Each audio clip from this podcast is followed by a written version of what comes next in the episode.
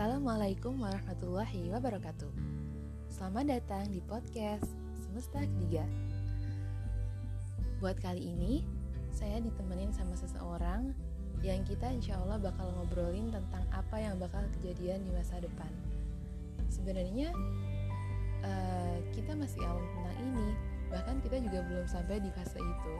Cuman uh, kita berharap kalau misal kita ngobrolin ini, paling enggak kita bakal lebih aware. Kalau kita tuh bakal ada di fase itu fase di mana semua orang hampir semua orang tuh ngerasa berat karena banyak perubahan yang terjadi dalam hidupnya. Quarter life crisis uh, adalah sebuah masa di mana sebagian dari kita adalah seseorang yang dipaksa harus meninggalkan rumah menjadi dewasa meninggalkan semua kenyamanan ini dan beralih ke fase hidup selanjutnya. Saya bersama teman saya, Rais Hakim Al-Amin, kita bakal coba ngobrolin tentang ini dan semoga bakal meningkatkan awareness dan kita lebih um, punya persiapan lebih untuk memasuki fase itu. Selamat mendengarkan. Oke, halo, assalamualaikum. Um, siapa? Oke, ini udah langsung ya? Langsung nih, oke. Okay. Mulai kok Oke, okay, thank you sebelumnya ini sudah mau diajak ngobrol bareng. Sama-sama sharing gitu, bukan lebih tahu dan dia nggak tahu, tapi sesama nggak tahu. sesama nggak tahu berendah banget. Oke, okay. um, mungkin kali ini aku pengen ngobrolin ini, tentang usia kita yang eh kita. Maksudnya usia-usia kita di mana usia 20 sampai 20 pertengahan itu kan kayaknya banyak banget orang-orang yang merasa emang ini aku ya? Kayak gitu kan. Itu kan masa-masa di mana kita mungkin baru banyak yang lulus kuliah terus mungkin baru nyemplung pertama kali di dunia kerja terus nggak tahu ini tuh um, benar ini pilihan yang selama ini dia pinginin. Terus apa cuman kita cuman sekedar bertahan gara-gara udah terlanjur nyemplung terus aja gitu apa gimana? Terus pertanyaan pertama adalah menurut kamu ini uh, terus ya menurut kamu usia 20 22-an sampai 25 atau akhir 30 itu uh, emang rentan sama kayak gitu nggak sih? Kalau misal kita lihat orang-orang ya is lihat dari orang-orang di sekitarku deh misal. Aku lihat temenku yang baru wisuda terus dia tuh kan harus nyari kerja tuh. Nah uh, selama masa-masa akhir kuliah sampai dia ditempatin dapat kerja itu tuh dia tuh kayak orangnya jadi rapuh banget gitu. Maksudnya jadi, uh, jadi rapuh ngerasa bingung. Kayak hmm. pertama kali dia nyemplung di dunia kerja kayak emang beneran ini yang selama ini aku cari? Terus emang bener ya uh, ini relate sama apa yang aku pelajari sebelumnya? Kayak oke okay, dia kerja tuh cuman gara-gara memenuhi tuntutan kalau udah kuliah terus harusnya kerja kayak gitu. Jadi dia orang yang maksudnya tadinya ceria dan biasa aja tuh jadi ngerasa ngerasain banyak kebingungan gitu kalau usia itu. Hmm. nah menurut kamu emang kita seben, uh, sebenarnya wajar nggak sih di usia segitu tuh bakal nemuin fase-fase kayak gitu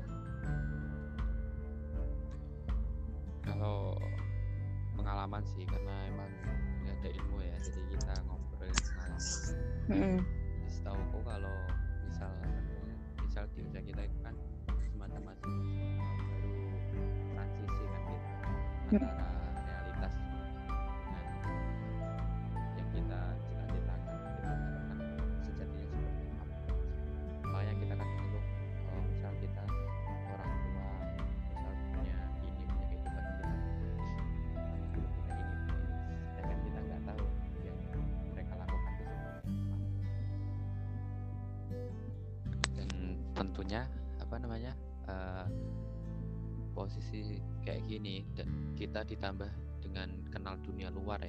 Hmm. dunia apa dunia luar itu dunia misal kita ketemu banyak orang latar belakang seperti apa itu semakin takut kenapa standar kita terlalu rendah kemudian apakah kemampuan kita tuh bisa dipakai atau dibutuhkan nah kalau hmm.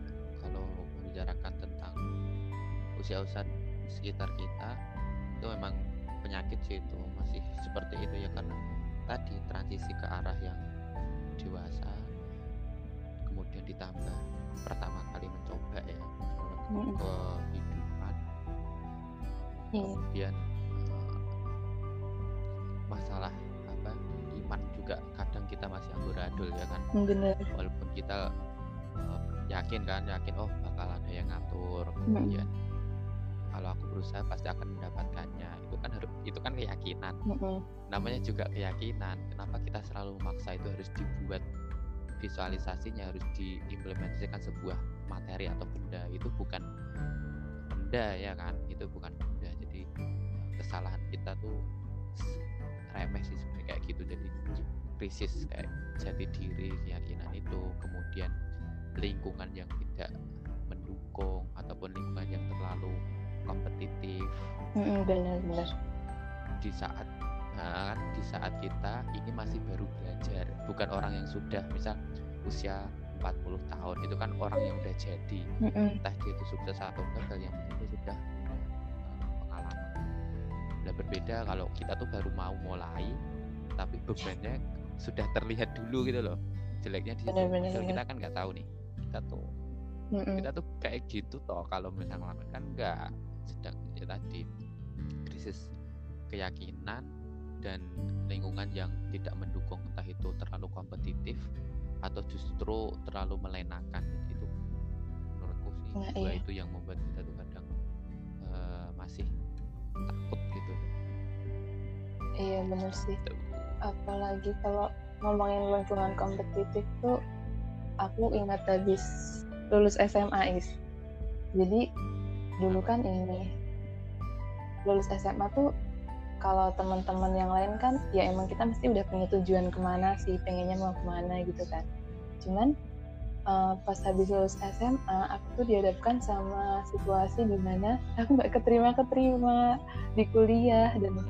lihat teman-teman yang udah dapet PTN padahal mungkin pas dulu itu uh, kalau misal kita lihat nilainya atau prestasinya mungkin mereka tuh di bawah kita kayak gitu. Dan di situ aku jadi ngerasa uh ini tuh kayak terdekat gitu ya dengan lingkungan yang selalu meminta lebih dari yang kita yang standar biasanya kita uh, bersikap wajar. Entah itu alah aku sebenarnya diri kita tuh alah aku di kuliah misal nggak kuliah juga nggak apa-apa misal kuliah ya alhamdulillah misal kayak gitu aja.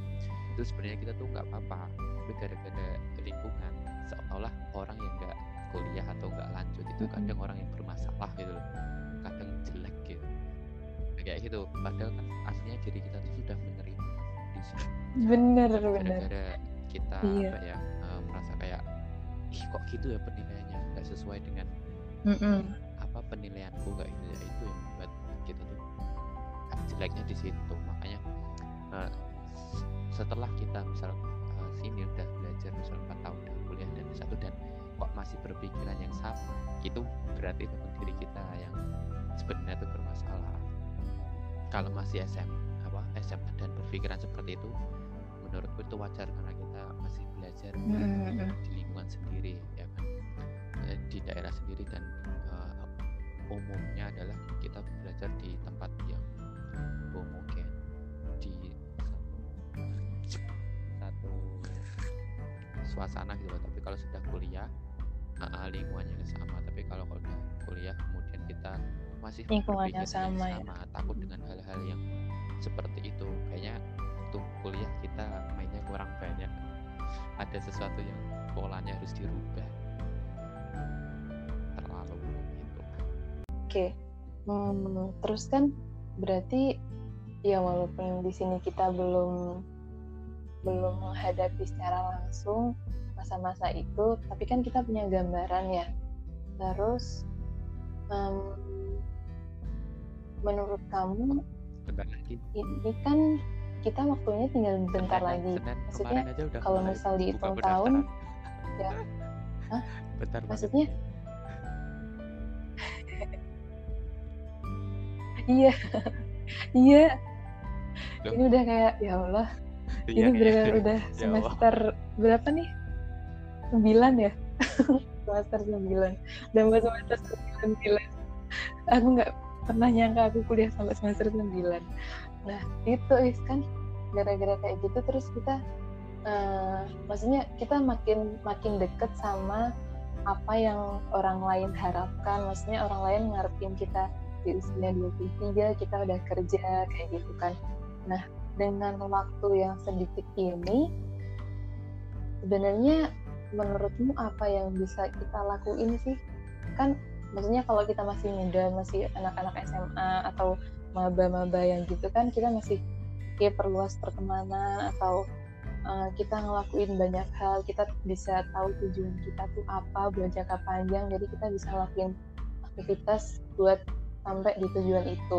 Tapi kalau di usia kita yang udah ya udah bentar lagi kita bakal sampai di masa oh, iya sih kalau menurutmu kalau kita mesti ya, ngapain? ya, ya sama-sama sih so, kadang memang alah itu teori itu teori kayak gitu kan prakteknya itu susah. Setidaknya kita perlu kayaknya misal tiga dulu lah kita kita tiga dulu apa sih yang harus kita lakukan. Walaupun gambaran-gambarannya itu luas banget dan terlalu abstrak ya, betul. kita kayaknya memang ada yang perlu kita perbaiki kalau yang aku hmm. yang aku perlukan sekarang ini memang pertama itu tujuan yang jelas hmm. kembalikan ke cita-cita awal tujuan yang jelas atau cita-cita di awal itu seperti apa tujuan ya kalau kita hmm.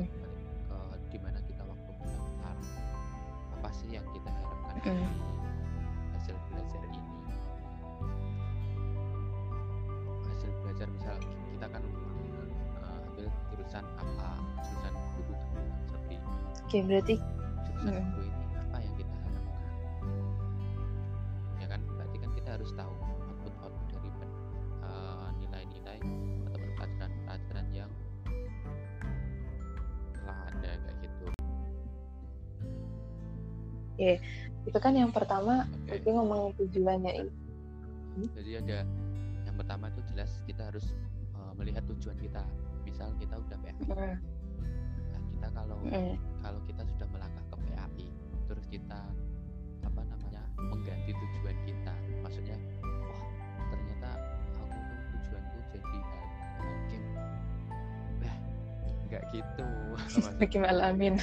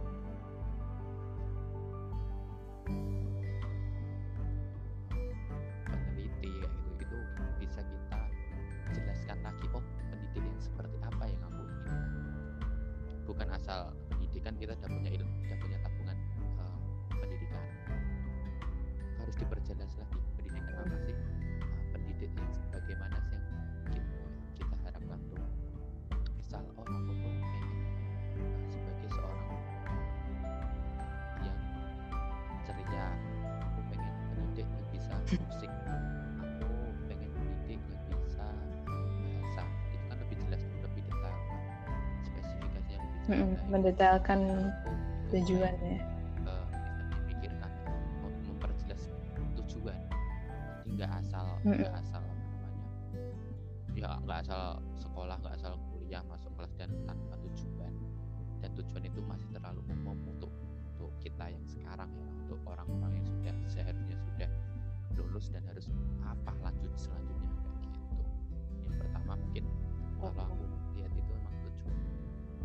memperjelas atau memperjelas cita-cita oke berarti tujuan itu yang kayaknya tuh bakal bikin kita stay stay on the track gitu ya maksudnya kita tetap di yeah. jalan gitu yang bakal ngarahin kita buat mencapai apa yang kita tuju biar biar nggak okay. salah langkah dan semakin konkret aksinya mm -mm. I see hmm, oke okay, itu tadi tujuan is terus tadi kan ada yeah. tiga kedua apa Iya, yeah, tadi nyebut tiga ya. Jadi kalau uh, eh sepuluh juga boleh. Jangan. Tiga, tiga dulu. Kita coba apa okay. uh, breakdown. Nah, tadi kan yang pertama tujuan. Kita mesti memperjelas tujuan kita. Jadi uh, sebisa mungkin kita tetap stay on the track. Kita nggak keluar dari jalur itu. Oke, yang kedua apa tulis?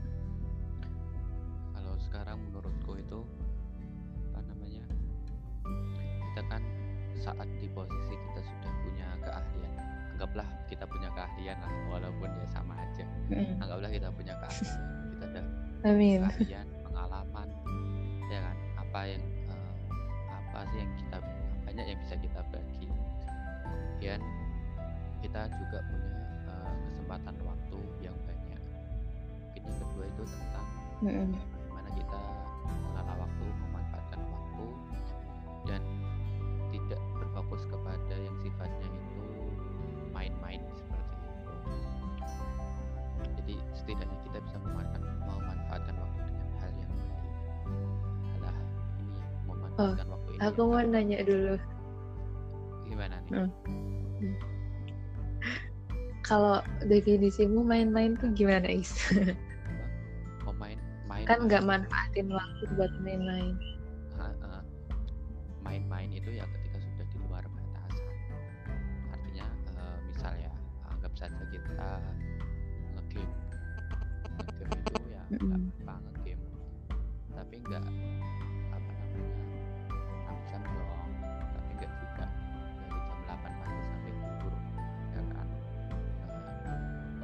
uh, nggak nggak maksudnya nggak uh, okay. sampai segitunya. Adalah bagian-bagian ada porsi maksudnya di luar.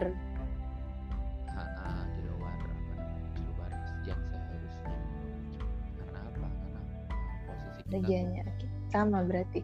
Soalnya kan mungkin kadang beberapa orang tuh main-main main-main. Padahal kalau menurutku itu tuh hal yang produktif asal kita iya. dapat yeah. manfaat dari situ okay. gitu. Oke okay, lanjut. di sini tuh, uh, kalau sekarang kan emang buat video ya kayak apa namanya buat video entah itu dia apa video kemudian dia edit kemudian dia kasih yang lucu-lucu seolah itu enggak guna gitu kayak apa sih nggak tuh banget ya tapi nggak itu main-main tuh nggak itu main-main tuh ya ketika kamu cuma main aja nggak kok kemudian permainan itu apa sih yang bisa dikelola apa apa sih yang bisa diambil dari permainan itu? Kalau misalnya ada yang bisa diambil misal main main apa ya Mobile Legend lah Mobile Legend atau enggak permainan online online kayak gitu hmm. kalau kita sekedar main dan enggak mm-hmm. ngambil dari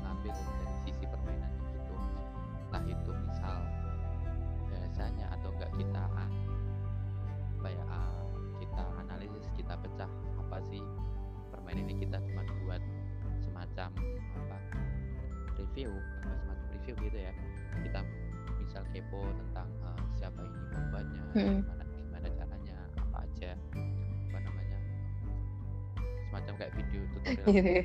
itu itu itu itu nggak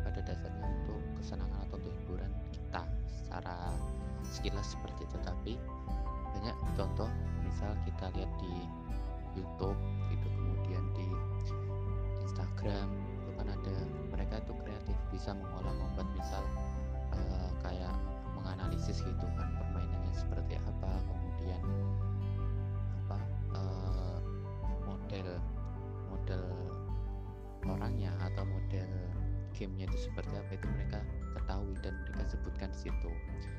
Tentunya dalam membuat video-video pendek itu kan memerlukan uh, ketelitian nah, kejelian bagaimana video itu bisa menarik kemudian apa sih uh, musiknya atau latar belakangnya seperti apa kemudian uh, captionnya itu seperti apa. Itu loh itulah yang disebut dengan uh, permainan ataupun memanfaatkan waktu. Jadi tidak hanya sekedar puas dengan mainnya tapi dia bisa mengolah permainan tersebut menjadi hal yang lebih baik di mana hal itu bisa melatih skillnya melatih keterampilannya dalam setidaknya membuat video yang baik atau menarik Oke, berarti tadi kan uh, tentang gimana caranya kita memanfaatkan waktu biar nggak membuang sama hal yang sia-sia. Nah, uh, terus aku pengen ngaitin sama keadaan sekarang nih Is. Jadi uh, pas pandemi ini kan kita sebenarnya punya banyak banget waktu. Nah, sebagian orang ada yang mikir kalau ini tuh sebenarnya waktu yang enak banget buat dipakai istirahat. Soalnya kan ya gimana dari kemarin kan kita mungkin kerja terus atau sekolah kuliah capek kayak gitu dan ini waktu yang tepat buat istirahat sama me time nah tapi ada sebagian orang yang juga berpikir kalau sayang banget kalau misal waktu ini gak dimanfaatkan dengan baik di antara dua itu uh, kamu lebih milih dan atau condong ke mana Oke, untuk apa namanya? Misal kok kita memanfaatkan waktu luang itu dengan hal yang positif, misal kayak tadi istirahat atau lain sebagainya. Kita anak muda, kita apa usia produktif, jadi yang namanya istirahat ataupun sejenisnya itu setidaknya harus dikurangi. Oke, kita lelah dan kita punya hak untuk istirahat, tapi jangan kita menitik beratkan dan seolah membenarkan sebagai disclaimer ya disclaimer bahwa kita tuh udah ini dan itu udah ini. Kita berhak untuk istirahat dan lain sebagainya. Tapi yang namanya uh, usia muda ataupun kita sekarang ini itu jauh lebih baik jika kita melakukan hal yang sepele tapi kita melakukannya misal kayak uh, misal kayak gitu misal kayak membaca membaca buku nggak harus buku sih tapi lebih baik buku membaca misal uh, baca iPad baca apa komik baca novel itu setidaknya itu lebih baik daripada kita fokus ke tidur ataupun ke fokus ke istirahat. Jadi itu hmm, bisa apa ya itu itu bisa dikategorikan sebagai memanfaatkan, waktu nggak semua waktu luang itu bisa menghasilkan sesuatu misal menghasilkan uang atau penghasilan tetapi menghasilkan ide atau menggerakkan menggerakkan pikiran kita menggerakkan imajinasi kita ide-ide kita ataupun uh, skill-skill dari keterampilan yang kita ingin.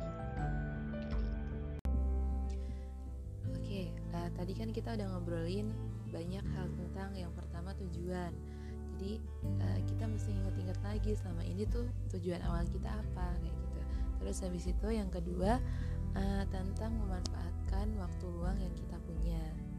Terus aku dapat bocoran yang ketiga yaitu uh, kita mesti bisa merasakan apa yang memang lagi kejadian sama kita. Maksudnya kita merasakan momen saat ini. Nah, uh, mungkin bisa dijelasin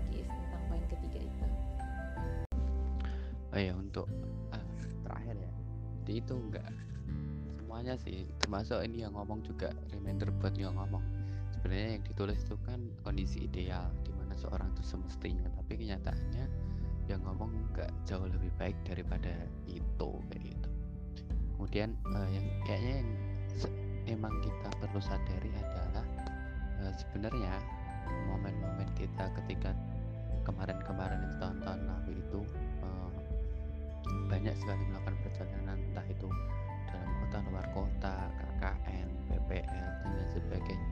Itu seharusnya menjadi momen di mana kita perlu belajar daripada perjalanan itu sendiri. Nggak asal kemudian kita melewatinya lewat aja set sampai set sampai set sampai. Mulai sekarang setidaknya kita lebih teliti lagi terkait aku ini baru ke arah mana sih? Aku ini sedang jalan apa yang aku lewati dalam perjalananku ini gitu. jadi di sini itu uh, semacam apa ya? Mencari pelajaran dari setiap jalan-jalan yang kita lalui. Artinya uh, perjalanan kita itu kan melewati beberapa peristiwa beberapa momen. Dah peristiwa itu loh yang harus kita lebih tangkap dan kita harus mendetailkan secara baik sehingga tidak sekedar lewat aja kemudian tidak sekedar sampai saja. Tapi misal kita naik bus kita jadi tahu interaksi kita memperhatikan penumpang-penumpang kita memperhatikan sopirnya kita memberikan ibu-ibu adik bayi naik motor di luar kemudian panasnya kemudian ya, pokoknya semua hal yang terkait dengan perjalanan kita lah. Setidaknya dengan itu itu akan memacu kita untuk bersikap lebih baik lagi terhadap uh, diri kita maupun lingkungan. Karena pelajaran-pelajaran di lapangan ataupun yang kita jumpai ini terkadang itu lebih berarti ataupun uh, bisa lebih memberikan kesan ini loh maksudnya tuh ini loh apa sih yang terjadi jika orang tuh apa uh, ditegur sopirnya ditanya kabar kok kemudian menjawab dengan seenaknya itu rasanya seperti apa? Kita mencoba lebih apa mendekatkan atau mendengar hal-hal yang kecil keluhan-keluhan seperti apa? Oh resikonya jadi pedagang seperti apa? Resikonya jual apa kue itu seperti apa? Resikonya menjadi anak sekolah yang naik angkot itu seperti apa kita perlu mendengar hal-hal semacam itu sehingga setiap perjalanan yang kita lakukan itu memiliki uh, pelajaran-pelajaran ataupun menjadi hal positif untuk masukan kita. Jadi nggak sekedar lewat harus kita lebih teliti lagi oh aku tuh ke arah sini. Dalam rangka menuju ke sana kita mendapatkan satu dua tiga pengalaman atau ilmu baru dari orang-orang yang uh, kita jumpai. Tentunya ketika setiap perjalanan itu kita akan melakukan hal-hal baru. Misalnya kita dari Jogja ke Solo. Dari Jogja ke Solo kita ambillah transportasinya itu kereta api ya kan? Dari tempat kita tinggal dari kosan dari kontrakan dari rumah kita menuju ke tempat kereta api kita naik Gojek. Kita bisa mendengarkan pengalaman Gojek tadi ya kan? Dari uh, drivernya ya kan? Driver ojol tadi. Apa sih uh, pengalamannya dia menjadi Gojek kemudian dia udah berapa lama apa saja yang terjadi selama dia menjadi Gojek? Apakah semakin baik atau bagaimana proses kehidupan seperti apa? Kita bisa tahu oh ternyata jadi Gojek itu untuk sekarang ini lebih sulit. Ternyata jadi Gojek itu ada strateginya untuk mendapatkan uh, customer customernya atau pelanggan pelanggannya oh ternyata dari Gojek itu ada syarat yang harus dipenuhi. Demikian demikian demikian. Oh ternyata dari Gojek itu nggak bisa 24 jam. Ada batasan waktu yang uh, diperlukan. Oh ternyata jadi Gojek itu motornya nggak semua motor bisa. Harus lulus spesifikasi. Dan motor yang bagaimana yang bisa? Kita bisa tahu dari situ. Kemudian uh, apa jadi Gojek itu ad, apakah ada batasan usia jadi Gojek itu penghasilannya itu apa tetap atau baik atau memang itu memang cocok sebagai sampingan bukan sebagai pekerjaan utama. Gitu jadi pengalaman-pengalaman uh, pengalaman-pengalaman driver ojek itu driver ojek itu kita bisa dapatkan hanya dengan interaksi.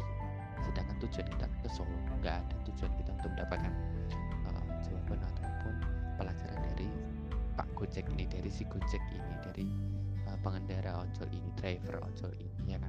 Ya tentu itu loh yang namanya uh, mempelajari setiap perjalanan yang kita lakukan adalah kita mencoba melihat lebih detail lagi proses kita ke sana. Bukan ke sananya yang kita ingkari besar tapi prosesnya.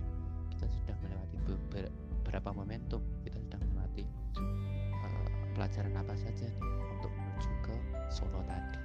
Itu baru pelajaran dari rumah dari kontrakan dari kos menuju ke stasiun ya kan? Belum lagi ketika kita sudah turun di stasiun kita bisa nanti interaksi dengan penjual koran kita bisa interaksi dengan tukang beca kita bisa interaksi dengan karcis sesama penumpang dan lain sebagainya. Masih banyak hal yang bisa kita ambil dan kita lebih teliti ke arah uh, perbincangan atau interaksi yang lebih positif sehingga setiap perjalanan yang kita lakukan itu menghasilkan sebuah pelajaran-pelajaran itu itu pentingnya kita apa mempelajari setiap perjalanan yang kita lakukan.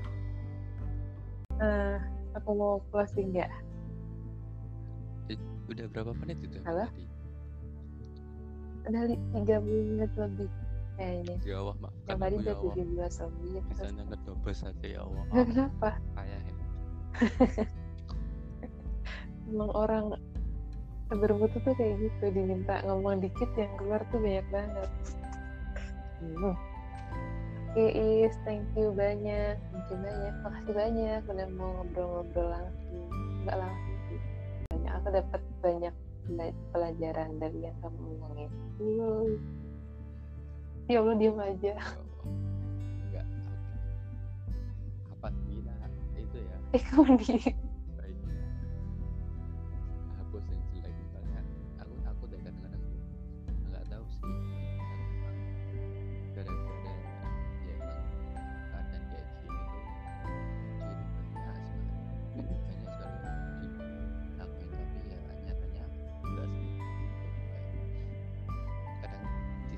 kita